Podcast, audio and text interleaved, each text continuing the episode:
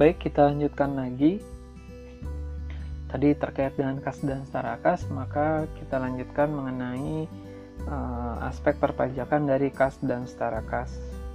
Jadi menurut uh, PP 131 tahun 2000 yang telah diperbarui oleh uh, Peraturan Kementerian Keuangan nomor 26 2016. Nah, ini disebutkan bahwa penghasilan dalam bentuk bunga yang didapat dari deposito atau tabungan yang ditempatkan di bank yang didirikan dalam negeri atau luar negeri melalui cabangnya di Indonesia, termasuk jasa giro serta diskonto atau bunga dari sertifikat Bank Indonesia, kecuali ya, kecuali wajib pajak orang pribadi yang seluruh penghasilannya dalam satu tahun pajak, termasuk bunga dan diskonto tidak melebihi PTKP, itu dikenakan PPh final sebesar 20% dari jumlah bruto ya.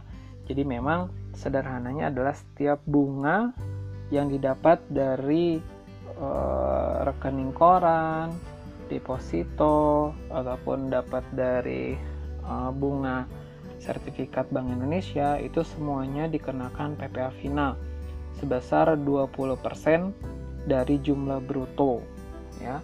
Apakah ada pengecualiannya Pak? Ada. Nah, pengecualian uh, dari uh, PPh atas bunga itu yang pertama adalah bunga deposito dan tabungan serta sertifikat Bank Indonesia sepanjang ya sepanjang jumlah deposito tabungan serta SB tersebut tidak melebihi 7.500.000 ya. Jadi misalkan kita punya uh, tabungan deposito atau sertifikat Bank Indonesia itu nilainya tidak lebih dari 7.500.000 maka bunga yang didapat uh, tidak dikenakan PPh final. Nah, yang kedua, bunga dan diskon yang diterima atau diperoleh bank yang didirikan di Indonesia atau cabang luar negeri di Indonesia. Nah, ini contohnya apa? Contohnya adalah misal bank itu kan dia suka ngasih pinjaman.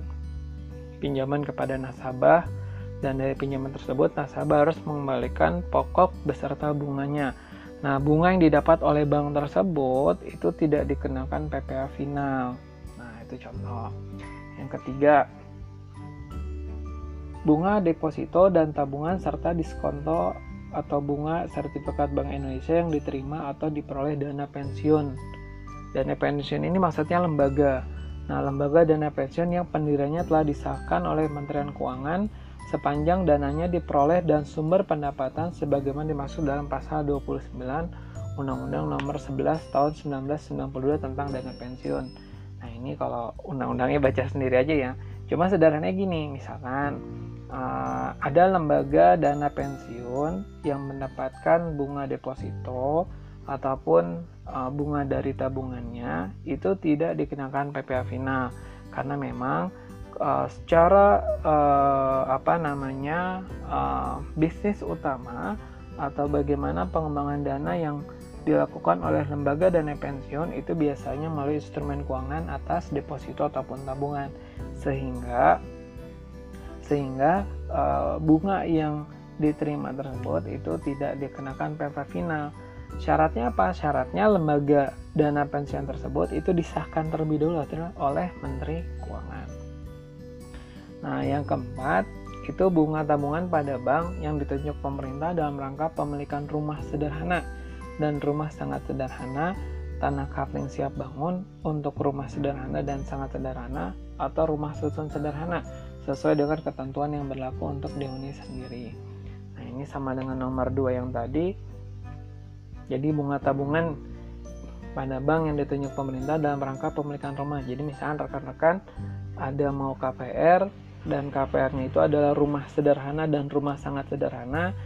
Nah, itu biasanya dia ada sistem uh, yang namanya jadi kita nah kita misalkan uh, cicilannya satu juta misalkan ya satu juta terus kita uh, dipotong setiap tanggal 5 awal bulan nah itu uh, setiap kali kita naruh uang di rekening tersebut itu tidak dikenakan uh, PPh atas bunga yang diperoleh gitu karena memang rekening tersebut itu uh, atau tabungan yang kita simpan pada rekening tersebut itu memang diperuntukkan untuk kepemilikan rumah yang sederhana.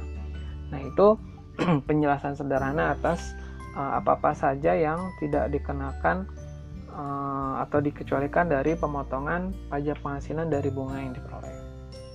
Oke. Nah, uh, contohnya bagaimana? Contohnya mungkin rekan-rekan bisa buka modul halaman 14 uh, atas pencatatan contoh atas pencatatan dari bunga. Bunga yang dicatat oleh perusahaan. Oke. Nah, uh, silakan dibaca terlebih dahulu. Ini PT Selalu Sejahtera merupakan perusahaan yang bergerak di bidang perdagangan eceran yang memiliki rekening di Bank XYZ dalam bentuk rekening giro. Pada tanggal 1 Maret 2016, uh, perusahaan mendapatkan bunga giro sebesar 1.500.000. Nah, bagaimana pencatatannya? Pencatatannya itu ada dua. Yang pertama adalah metode bruto atau gross method. Yang kedua adalah metode neto atau net method. Oke. Nah, um, metode bruto itu rekan-rekan bisa lihat pencatatannya itu adalah semuanya uh, dicatat berikut uh, PPA PPA pasal 4 ayat 2 nya atau gini sorry sorry metode bruto itu mencatat secara kotor atas pendapatan bunga. Sehingga kalau misalnya rekan-rekan lihat dalam jurnal dalam modul yang kita baca ini adalah bank di debit sebesar 1.200.000 terus PPA pasal 4 ayat 2 atau PPA finalnya sebesar 300.000 dan pendapatan bunganya dicatat senilai 1.500.000 ya 1.500.000 karena itu adalah gross income atau gross revenue ya. Eh, sedangkan uang yang diterima itu cuma 1.200.000 kenapa? Karena memang kalau misalkan di bank itu dia biasanya langsung motong. Mungkin teman-teman kalau misalkan lihat uh, atau print out dari buku uh, apa namanya uh, tabungannya buku tabungan atau buku rekening koran itu terlihat dalam akhir periode suka ada berapa pendapatan bunganya di kolom kredit dan di debitnya itu adalah uh, biaya pajaknya. Nah seperti itu itu metode yang pertama, metode bruto. Yang kedua adalah metode neto, di mana yang dicatat oleh perusahaan itu adalah nilai bersih dari pendapatan yang diperoleh. Nah, nilai bersih yang diperoleh atas pendapatan bunga.